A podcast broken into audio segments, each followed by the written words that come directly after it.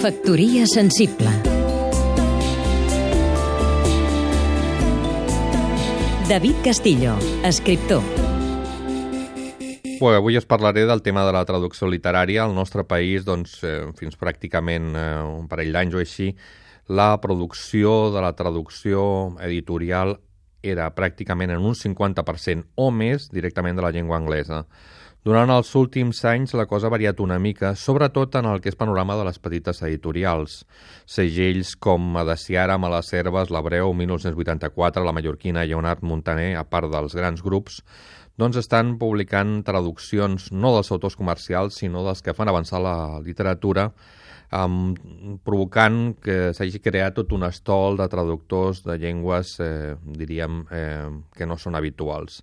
Avui us recomanaria precisament de 1984 un parell de llibres que acaben d'aparèixer. Un és del Premi Nobel rus Joseph Brodsky, exiliat als Estats Units, nascut a l'any 40, mort al 1996, Premi Nobel del 1987, va estar entre nosaltres el 1993. Segurament és el millor poeta de la segona meitat del segle XX. Ens arriba en traducció de la Judith Díaz Barneda.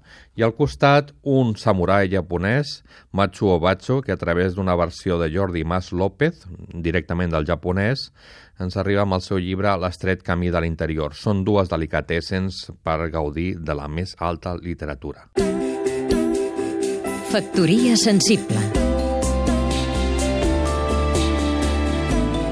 Seguim-nos també a catradio.cat